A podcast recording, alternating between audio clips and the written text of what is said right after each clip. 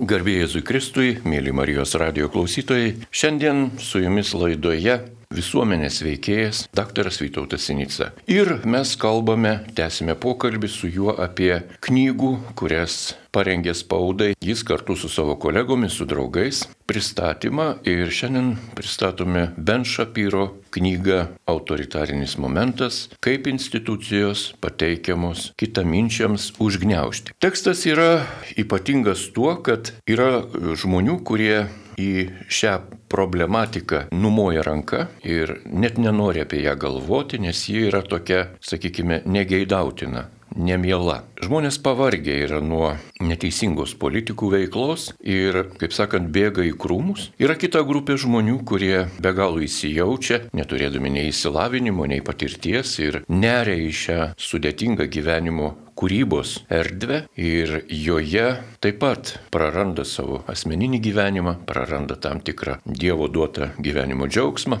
Yra grupė žmonių, kurie analizuoja, žiūri, skaito, derina, bando padaryti išvadas, kad mums būtų lengviau susiorientuoti gana sudėtingose konstrukcijose, kurios šiuo metu valdo pasaulį. Kaip valdo, kaip tos konstrukcijos yra daromos, iš kur yra jų ateinanti priežastis ir kur tai gali mus nuvesti, maloniai šiandien jums, mėly radio klausytojai, sutiko papasakoti ir šią knygą pristatyti politologas dr. Vytautas Sinica. Jį kalbina Liutauras Serapinas ir aš sveikinuosi su gerbiamu Vytautu, garbė Jėzui Kristui. Per amžius. Taigi mano rankose jūsų padovanota knyga Marijos radijo studijai Vilniuje ir tai jau yra trečia knyga ir tos knygos vis iš mūsų pabėga, nes žmonės skaito.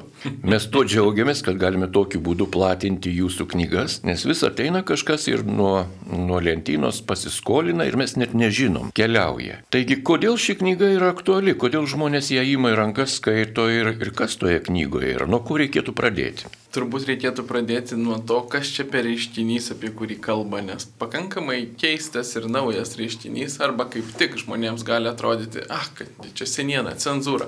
Cenzūra egzistavo visais laikais ir ypatingai egzistavo režimuose, kurie yra diktatūros ir atvirai, net neapsimesdami, kad gerbė nuomonės, minties, žodžio, sąžinės laisvę, diktuodavo žmonėms, ką kalbėti ir ką galvoti. Ir iki šiol taip yra visose tuose režimuose. Bet tai nieko nestebina ir apie tai nebūtų verta nei kalbėti, nei leisti knygų. Kas yra nauja, įdomu, verta dėmesio ir aš taip įtariu, gal vėliau apie tai išsiplėsim, kad tik dabar Lietuva ir mūsų visuomenė pribrendo apie tai kalbėti ir pripažinti tokį reiškinį, tai kad vakarų šalyse, įskaitant Lietuvą, demokratinėme pasaulyje vėl iš naujo atsirado ideologinės cenzūros reiškinys. Tas reiškinys veikia dažniausiai neformaliu būdu. Tai yra pašalinant neteisingai, viso pokalbio metu turėtum galvoje, kai sakau neteisinga nuomonė, neteisingas mąstymas, neteisingos kalbos, tai yra kabutėse ironiškai. Taigi pašalinant neteisingai kalbančių žmonės iš to, kas jiems svarbu. Ar iš viešosios erdvės, jeigu tai yra viešas asmuo, ar iš verslo galimybių, jeigu tai verslininkas, ar tiesiog pašalinant iš darbo, jeigu tai samdomas žmogus, kokie dauguma iš mūsų esame. Taigi, šalinant, šalinant už neteisingą nuomonę. Ir tai yra gana nauja. Ir tai yra tiek nauja, kad pavyzdžiui Lietuvoje dar prieš keletą metų, nors jau tada galėjom, stebėdami vakarų šalių problemas, pasakyti, kad tokia grėsmė ateina, Lietuvoje dauguma žmonių dar modavo ranką ir sakydavo, kad ką tu vaikeli šneki taip negali būti. Nes tai dar buvo nematoma svetima ir gal per daug baisu kad pripažintume tokius dalykus. Dabar po truputį atsiranda pavyzdžių ir Lietuvoje ir jau galime pripažinti. Neveltui anglų kalboje šitas reiškinys vadinamas cancel culture. Aš manau, kad tai yra gan klaidinantis pavadinimas, bet jūs neatsitiktinai toks yra, kaip ką tik sakiau, pašalinimas. Pašalinimas būna bausmė, kurią skiria ideologiniai cenzoriai tiems, kas drįsta kalbėti neteisingai. Pašalinimas iš eterio verslo ar darbo, ar dar kur nors, kur galima kartais nišinių sričių sugalvoti.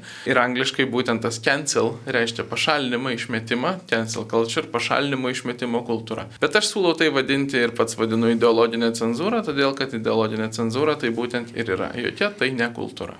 Mėly radio klausytojai, jūs girdite laidą, kurioje knyga išversta į lietuvių kalbą autoriaus Ben Šapyro autoritarinis momentas kaip institucijos pasitelkiamos kitaminčiams užgneušti, šiandien pristato Vytautas Sinica.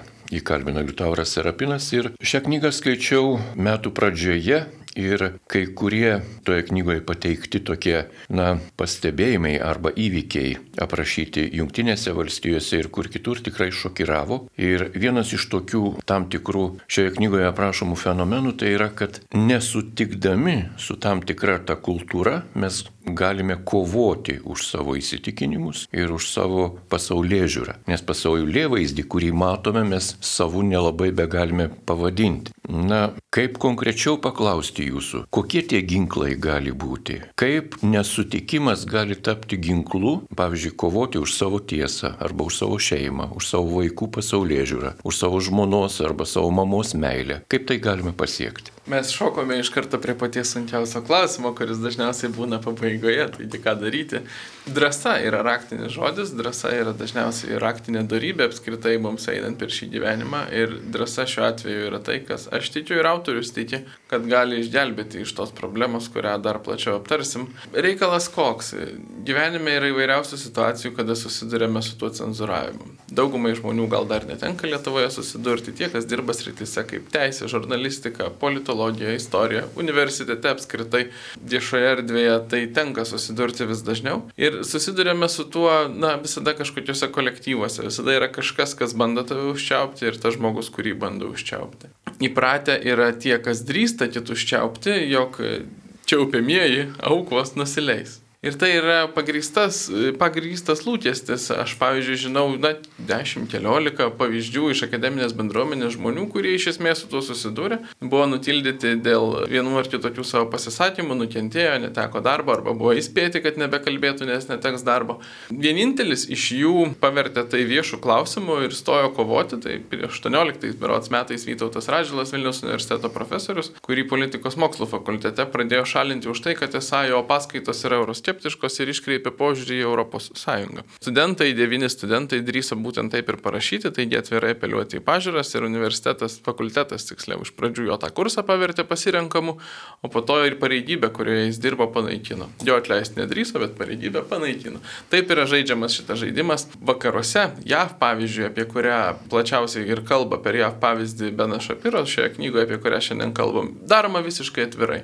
Tai yra esminis skirtumas Lietuvoje dar slepiamas savo visokiais formalumais, biurokratijom, žaidimais. JAV tas daroma visiškai atvirai ir tiesiai sakoma, kad žmogus atleistas dėl neteisingų pažiūrų, kurios yra smerkiamos ir ne, netoleruotinos. Tai štai dažniausiai žmonės nenori problemų, žmonės nenori susikurti konfliktiško į, į, įvaizdžio apie save.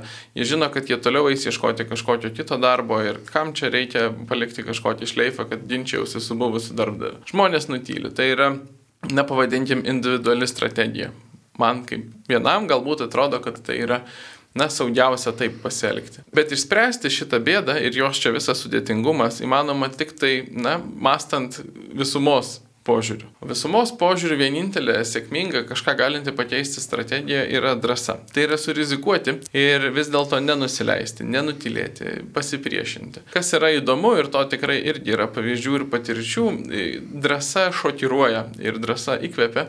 Įkvepia tuos, kurie stebi ir kurie šiaip jau būtų sekantys eilėje tam susidorojimui ir bijotų, kaip bijo visi. Ir šokiruoja tuos, kurie tikisi paklusnumo ir drįsta susidoroti. Ir labai dažnai tas galios santykis tarp tų, kurie bando kitus užčiaupti ir taikyti ideologinę cenzūrą, ir tų, kurie tampa jos aukomis, visiškai pasikeičia, išsikreipia ir sugriūva tas cenzūros mechanizmas, jeigu pakankamai žmonių drįsta pasipriešinti.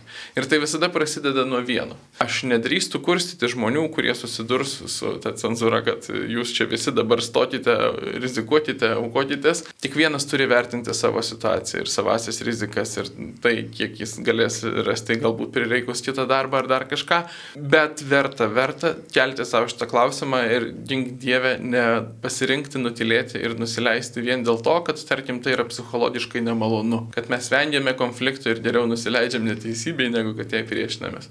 Vat šituo motyvu, kuris šiaip jau, aš manau, yra dažniausias motyvas nusileisti ir nutilėti, remtis negalima ir jo tikrai neužtenka. Taigi, nuo, pradedant nuo savęs, nuo mažiausių detalių, tai yra nenutilėti ir nenusileisti. Ir tai išauga kartais į didelius dalykus. Tas pats knygos autorius Benas Šapiro e, Amerikos visuomenėje, kur jau dešimtmetį faktiškai nuo Obamos prezidentavimo šitas reiškinys yra įsigalėjęs ir viešumoje vešintis, pradėjo telkti žmonės, siūlyti jiems alternatyvą. Žmonės, kurie susiduria su ta cenzūra, kadangi JAV tai, kaip minėjau, yra viešas reiškinys ir ypač, pavyzdžiui, pop kultūroje, Hollywood aktoriai, tekstų autoriai, kurie rašo viešoje erdvėje, laidų veidėjai, kuriuos visus pašalino tuo principu, kad jie kalbėjo kažką ideologiškai neteisingo, jis jiems siūlo alternatyvą. Jis sukūrė platformą, kuri vadinasi Daily Wire. Tai yra, na, konservatyvi platforma. Vadinu ją platformą, o ne, tarkim, naujienų portalu, nes tai yra ne tik portalas, tai yra ir laidos tinklalaidės internete, televizija, galų gale net pradėti kurti dokumentiniai ir na, grožiniai, meniniai filmai. Visa tai sukurta, na, telkiant tai, ko Lietuvoje trūksta, tai yra pilietišką kapitalą, žmonės, kurie yra linkę investuoti į, na, politinės ar visuomeninės iniciatyvas į galimybę štai, tarkim, šiuo atveju sukurti žodžio laisvės erdvę. Ir tai veikia ir tai gauna pagreitį. Taigi aš manau, kad šitas, šitas kelias yra tikslingas ir būtinas, bet pradedam, pradedam visi nuo savęs. Ir šiandien Lietuvoje turbūt dar, kad jau čia pradėjom kalbėti nuo išeities taškų, reikia dar paminėti, kad yra politinė kova. Yra ne tik asmeninė, bet yra ir politinė kova. Ir jeigu, tarkim, JAV visuomenė, apie kurią kalba autorius, yra Respublikonų partija, viena iš dviejų, kuri su visom savo įdomi ir su visais savo pliusais, vis dėlto jinai įgarsina šitą problemą. Jis sako, kad egzistuoja cenzūros problema, kad ją reikia stabdyti, kovoti, jie kelia atvejus, kada su žmonėmis yra susidorojama. Ir JAV visuomenė, tie, kurie jaučiasi aukomis šito, o dažniausiai tai yra konservatyvų žmonės, manau, prieisim kodėl, tie žmonės jie jaučiasi atstovaujami, kažkas juos gina. Lietuvoje mes esame situacijoje, kai bent jau šiandieninėme Seime šios kadencijos Seime nėra nei vienos partijos, kuri keltų tokį klausimą, kad egzistuoja ar bręsta kelia galvą Lietuvoje ideologinė cenzūra. Tokios kalbos nėra ir nėra tokios partijos ir nėra tokių nu, politikos, politinės temos. Ir man atrodo, artėjant dabar rinkiminiams metams yra labai svarbu, kad žmonės, kurie, na, mato, sutinka, pripažįsta, kad tokia problema grėsia ir Lietuvai ir kad tikrai veši vakaruose, yra pradėti kelti šitą klausimą laiškuose politikams, susitikimuose su politikais, diskusijose, visose formatuose, kur tik įmanoma, kad šitas klausimas būtų neįmanomas apeiti ir nutilėti, kad apie jį būtų priversti pasakyti savo poziciją politikai. Nedituoju už nieką konkrečiai, kad visi politikai užimtų poziciją, nes tai yra nepatogu jiems užimti šitą poziciją ir labai naudinga pačiai Lietuvai ir žmonėms, kad būtų aiškumas ir įsipareigojimas ir vis dėlto laikysena, vis dėlto ar turim tokią problemą ir jeigu turim, tai ką su ją darom. Tikrai uždavėte gana sunkų klausimą tiems, kurie na, vienokiu ar kitokiu būdu dalyvauja politikoje, kiek jie patys yra na, kontroliuojantis savo darbinę erdvę. Būtent tuo aspektu, ar yra ideologinė cenzūra, ar yra galimybė kiekvienam žmogui pasisakyti, būti išgirstam ir kiekvienam išsakyti savo nuomonę, kokia jį bebūtų. Kai kalbame apie cenzūrą, tai Mes esame ta tauta, kuri esame patyrusi ideologinę cenzūrą labai daug metų, tai buvo bolševikų okupacijos laikotarpiu. Negalima net ir tarti, kad tai yra kokios nors vienos tautos, rusų, sakykime, okupuota Lietuva. Ne, tai buvo daugialypis, daugiakultūrinis okupavimas ir ne vien rusai mūsų okupavo, okupavo daugiau negu rusai ir tai buvo būtent tas ideologinis okupavimas, kultūrinis, religinis ir, ir visoks kitoks. Ir mes turėjome cenzūrą, veikė cenzūra. Mano tėvų karta cenzūrą dar prisimena kaip karinę cenzūrą, kuri besitraukiant tiek e, Wehrmachto kariniams daliniams iš Lietuvos, tiek artėjant Raudonosios armijos arba sovietų kariuomenės padaliniams buvo įvedamos cenzūros. Nebuvo galima kalbėti apie kažką konkrečiai ir žmonės tą žaidimą labai greit suprato. Gerbiamas Vytautai, kas yra atsitikę su mumis, kad mes vėl taip pat kaip avinėliai esame varomi į tam tikrą gardą, pjovimui su ta cenzūra. Na negi žmonės nepasimokė per penkis dešimtmečius, kad cenzūra yra instrumentas, kuris atsidūręs blogose rankose blogą ir daro. Kodėl lietuviai nepasimokė, kodėl Lietuvos piliečiai nepasimoko iš to, kodėl nėra tos vadinamosios pilietinės akademijos, kodėl jinai neveikia. Kaip Jūs manot? Kelios priežastis. Aš manau, vienas dalykas yra tai, kad šiandieninė cenzūra yra daug subtilesnė už tą sovietinę. Sovietinė buvo akivaizdi, buvo institucinė, jeigu taip galima pavadinti, buvo cenzūros organai Buvo aišku, kad tai yra valdžios parėdimas ir tas, ką galima sakyti ir ko negalima, buvo pakankamai na, formalu ir bausmės buvo pakankamai formalios. Nors ne visada buvo aišku ir pasmerkimai liaudės masių, kaip kai kurie profesoriai susidūrė berots 58 metais Vilniaus universiteto, ten keletas pačių iškeliausių profesorių sulaukė e, studentų skundų apie tai, kad antisovietiškai, antitarybiškai kalba ir tada buvo baudžiami. Tų praktikų irgi buvo, bet iš esmės buvo šiek tiek kitai, buvo daug aiškiau. Ir tai galioja daugeliu aspektų, daug kas kartojasi šiandien iš sovietmečio, tas lyginimas su sovietmečiu jis yra dažnai toks pašiepiamas, kad čia neva pritemta, juk labai viskas skiriasi, labai daug kas skiriasi, bet yra ir panašumų. Ir pavyzdžiui, požiūris į religiją ta privartinė sekularizacija, ta panieka religijai vienareikšmiškai yra to paties sovietmečio bruožas. Tai, kas sovietmečiu vadinta internacionalizmu, o šiandien kosmopolitizmu, neįgymas nacionalinės valstybės, tautos reikšmės, idėja, kad na čia kažkaip pasenė ir tą reikės peržengti, vienareikšmiškai sovietinės ideologijos bruožas. Ir tų bruožų yra daugiau. Tai visiškai atsisakyti lyginimo nereikėtų. Aš manau, kad subtilumas yra esminis skirtumas šitos cenzūros nuo ankstesnės. Ką minėjau laidos pradžioje, šiais laikais cenzūra veikia neformaliai, neįstatymais. Vakarų šalyse yra atveju, ir jau pakankamai jie tampa dažni, kada paverčiama tai ir įstatymais. Tie įstatymai vadinasi taip bendraja prasme neapykantos kalbos įstatymais. Hate speech laws. Ir šitie neapykantos kalbos įstatymai, jie numato bausmes už tai, kad kalba kažkokiais viešais arba kraštutiniais atvejais net ir neviešais, kaip pavyzdžiui Škotijoje, kuri turi savo įstatymų leidybos teisę, yra įstatymai, kurie baudžia ir už neviešus pasisakymus, kurie skleidžia kuriai nors visuomenės grupiai neapykantą. Skleidžia neapykantą skamba labai baisiai, bet praktikoje tai iš esmės reiškia, jeigu yra pasakoma kažkas apie jautrę visuomenės grupę, kas tą grupę skaudina, žaidžia, verčia nemaloniai jaustis, Ir yra netgi tokių teisinių formuluočių, kaip nemaloniai jaustis. Už tai turėtų būti baudžiam. Nesunku suprasti, kad tai yra iš esmės įstatymai įsitvirtintos privilegijos konkrečioms visuomenės grupėms, kurios teisinamos tuo, kad, na, istoriškai toms grupėms buvo sunkiau, jos patyrė kokią nors priespaudą, marginalizavimą, prievartą ir taip toliau. Dažniausiai vakaruose tai yra rasinės grupės, Tai yra negalima nieko žaidžiančio, skaudaus, nemalonaus, kritiško pasakyti apie juodaodžius, apie kitas mažumas, apie, tarkim, musulmonus imigrantus. Taip pat seksualinės lytinės grupės - homoseksualai, transseksualai ir įvairiausios kitokios. Taip pat yra ir įvairių kitokių pjūvių, na, jie yra mažiau, mažiau išreikšti. Labai įdomus atvejis yra su religija, tarsi ir negalima religinių grupių, bet negalima jokių išskyrus e, krikščionių. Krikščionis įžeidinėti galima ir labai retai kas nors susilaukia dėl to kokių nors bausmių, nes pats principas šitos, šitos idėjos apie neapykantos kalbą ir tai, kad reikia saugoti konkrečias visuomenės grupės, jis yra paremtas idėja, kad vakarų civilizacija ir mes krikščionys baltieji žmonės pasklidę po pasaulį iš Europos, engėme pasaulį ir visas kitas civilizacijas, religijas, kultūras, tautas ir visuomenės grupės. Ir atitinkamai baltieji negali būti rasizmo aukos, krikščionys negali būti religinės neapykantos aukos, heteroseksualų žmonės negali būti, na nežinau, diskriminacijos dėl, dėl seksualinės tapatybės aukos ir taip toliau. Kitaip sakant, tie, kas yra tarsi dauguma, nors faktiškai neretai jie tampa faktinę mažumą, tie negali būti na, neapykantos objektai. Nors paradoksaliai aš drįščiau sakyti, būtent dėl to reiškinio, kurį šiandien aptarėm, dėl tos ideologinės cenzūros, neapykanta ir diskriminacija dėl pažiūrų šiandien yra pati aktualiausia neapykantos ir diskriminacijos forma. Vakarų valstybėse yra prikurta įstatymų saugančių išskirtinai privilegijuotai įvairiausias istoriškai nuskriaustas visuomenės grupės, o tuo tarpu šiandien labiausiai skriaudžiama ir diskriminuojama visuomenės grupė, na, yra žmonės, kurie turi generalinės linijos netitinkančias politinės, religinės ar kokias kitokias pažiūras. Taigi diskriminacija dėl pažiūrų. Tai šitas reiškinys įbandoma paversti įstatymais. Aš šiek tiek išsiplėčiu, atleiskit man už tai, bet privalau paminėti.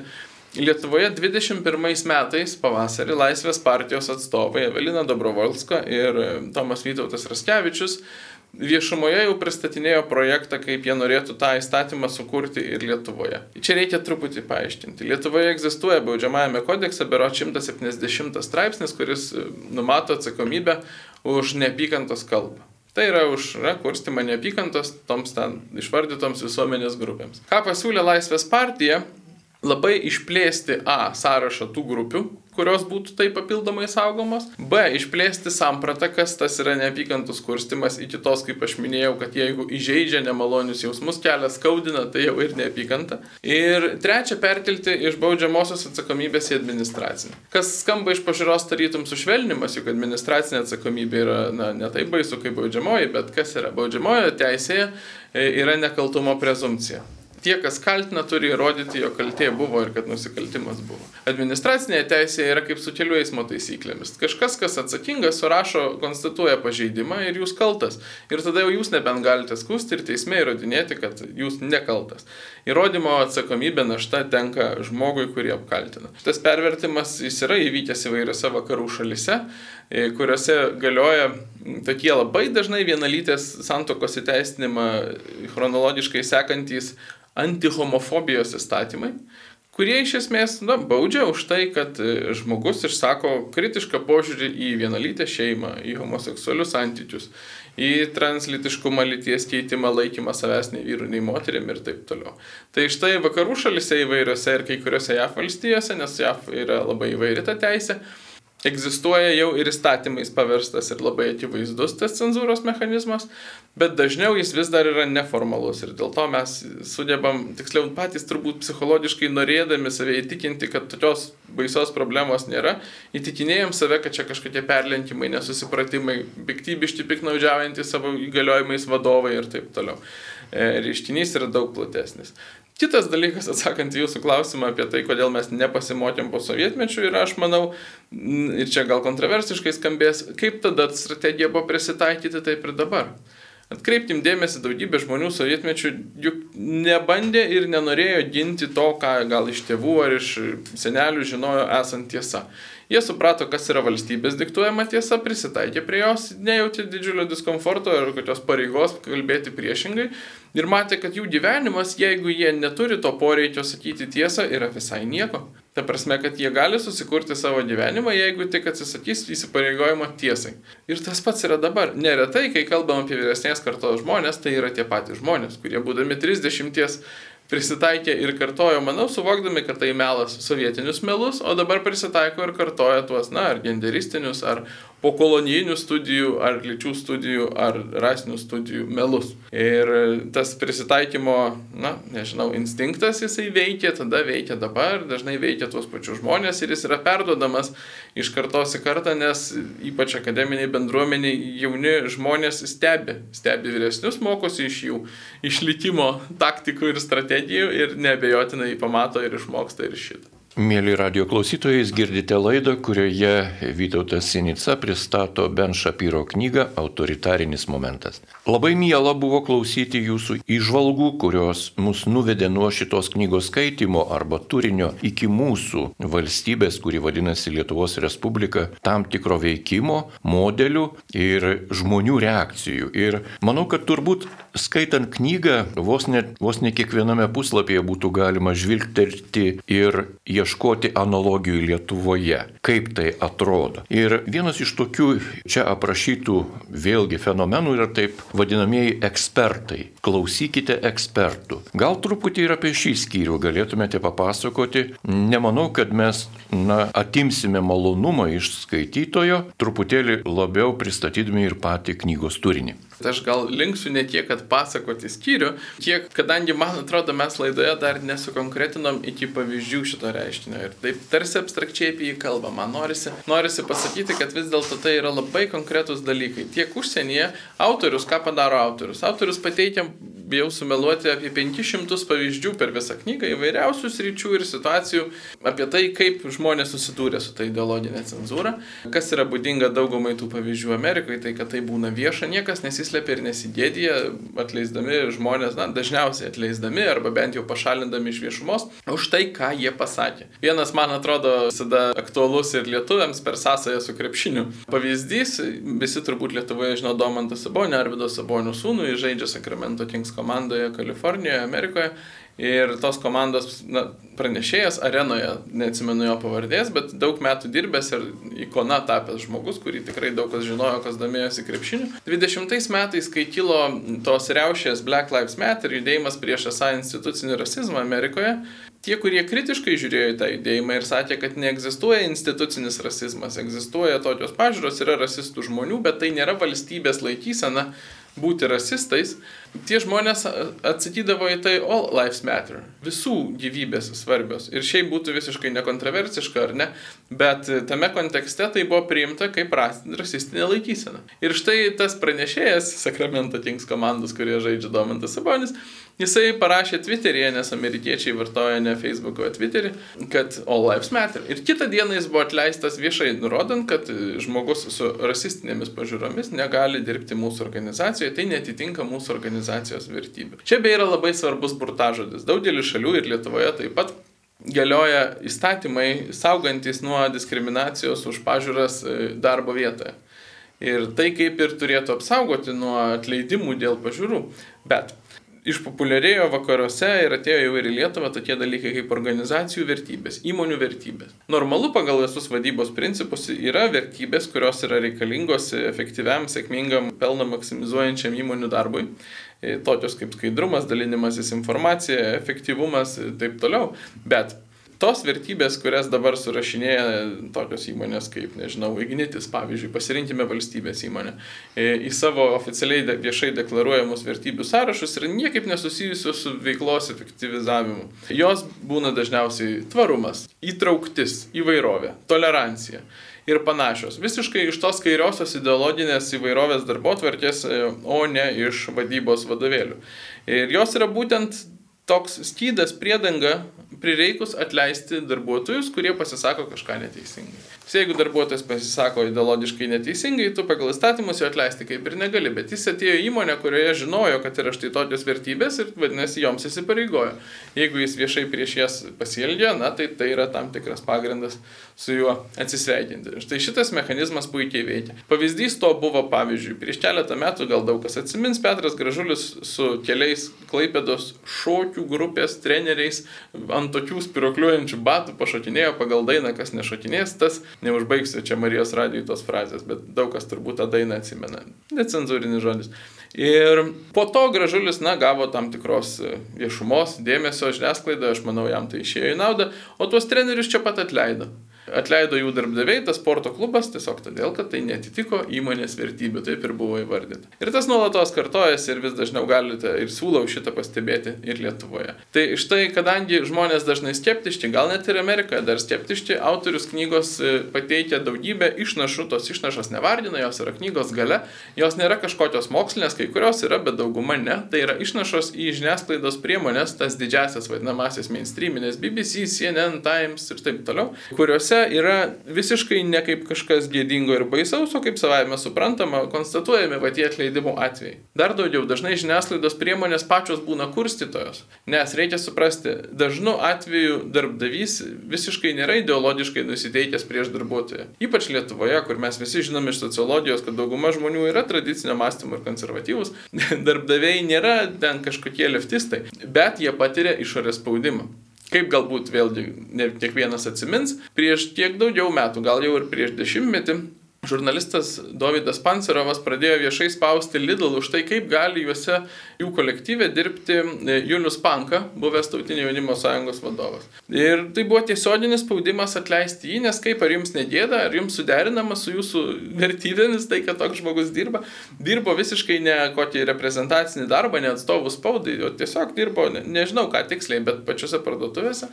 Ir net iš tokios situacijos buvo bandoma spaudžiant viešai įmonę iškrapštyti žmogų. Tai tas pats mechanizmas veikia ir JAF, ir visame pasaulyje, ir daugybė pavyzdžių to pateikiama. Verslas nori ramiai gyventi ir dirbti savo darbą. Ir dažniausiai verslo strategija būna nepriešintis tam spaudimui, o tiesiog atleisti tą žmogų, kad nuo jo atstotų.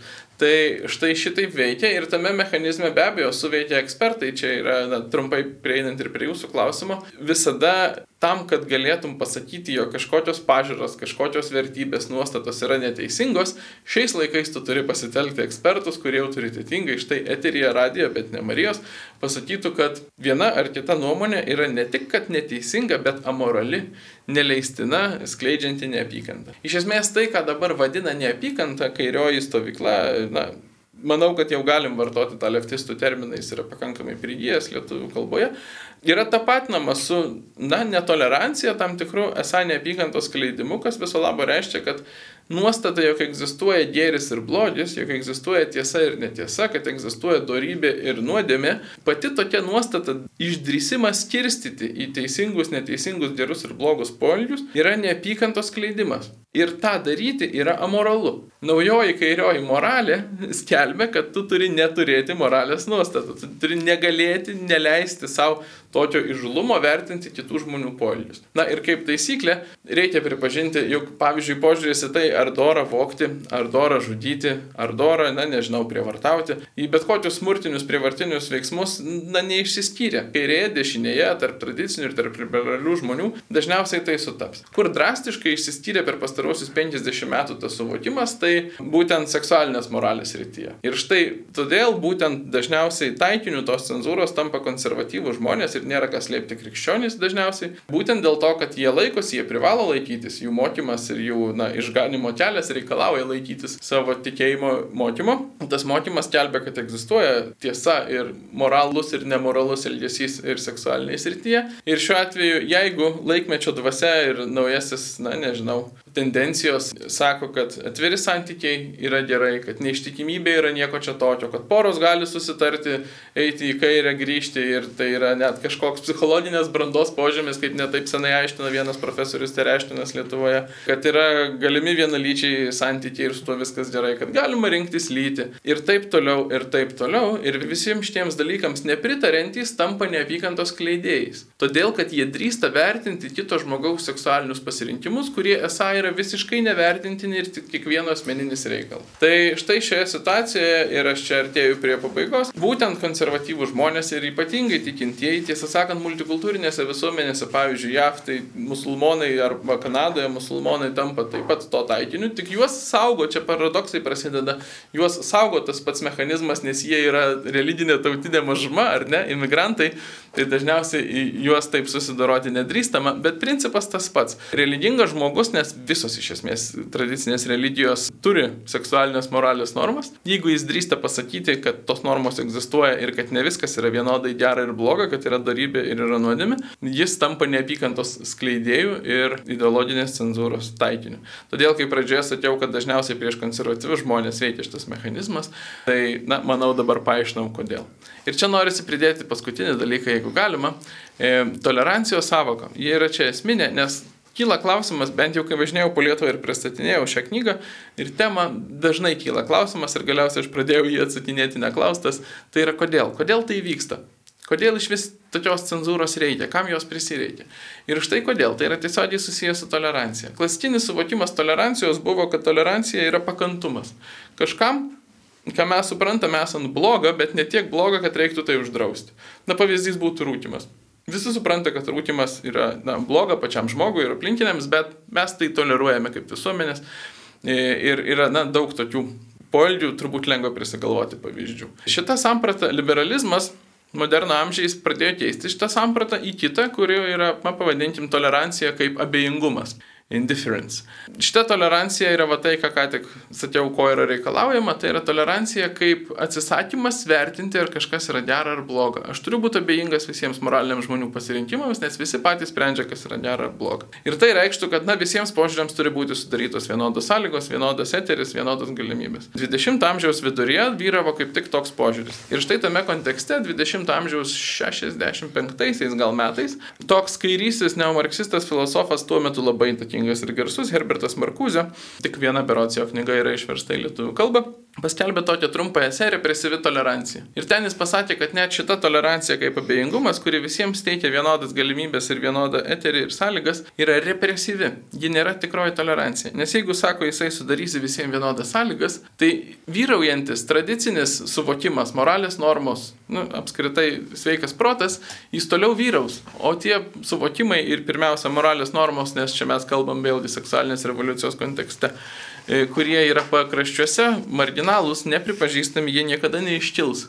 Todėl jis sako, tikroji tolerancija ir va štai tame amžiuje mes gyvename, E, tikroji tolerancija bus ta, kuri užčiaus vyraujančius požiūrius, juos užgesins tam, kad galėtų iškilti ir skirtinės sąlygas gauti naujieji, tie, kurie siūlo pakeisti suvokimą pirmiausia apie moralę, tiesą ir taip toliau. Ir man atrodo, kad per tuos 50 metų, kurie praėjo, būtent šitas požiūris tapo norma, įsigalėjo pirmiausia vakaruose, dabar ateina ir pas mus. Šitas požiūris, šita maža knygutė labai įtakingo žmogaus, iš esmės dabar diktuoja šitą mūsų na, ideologinės cenzūros mechanizmą plintantį visame vakarų pasaulyje. Nes atkreipti dėmesį ir aš palieku klausytojams patiems įsivertinti, jeigu šiandien visi žinome, kad 8 iš 10, na, beveik tiek žmonių yra, tarkim, už tradicinį prigimtinį šeimos kaip vyro ir moters šeimos suvokimą, Žiniasklaidoje, bent jau toje didžiojoje, jūs matysite atvirkščią proporciją.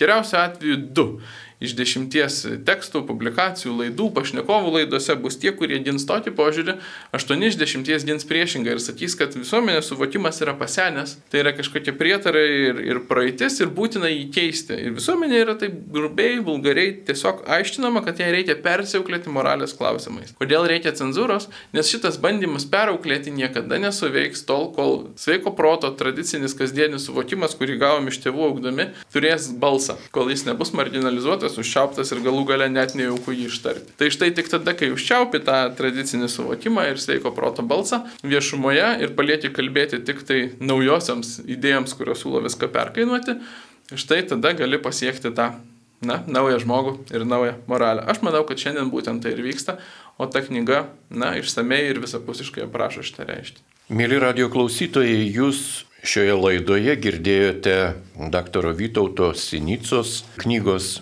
pristatymą, kurią jisai ir išvertė iš anglų kalbos, tai autoriaus Ben Shapiro knyga Autoritarinis momentas, kaip institucijos pasitelkiamos kitaminčiams užgneušti. Šią knygą jūs galite įsigyti ir interneto pagalba tikrai rasite kur ir kaip, o mes dėkojame gerbiamam Vytautui už knygos pristatymą, apžvelgiant ne vien knygos turinį ar tam tikras sąlygas, kuriuose jinai atsirado, buvo parašyta, bet ir žvilgsnį į mūsų visuomenę, mūsų tautos padėtį, į mūsų bažnyčią, į mūsų politikų veiklą ir kūrybą. Ir už tai esame jam dėkingi. Taigi šioje laidoje jūs girdėjote Vytautą Sinicą, jį kalbino Liutauras Serapinas, linkėdamas ir toliau likti su Marijos radiju.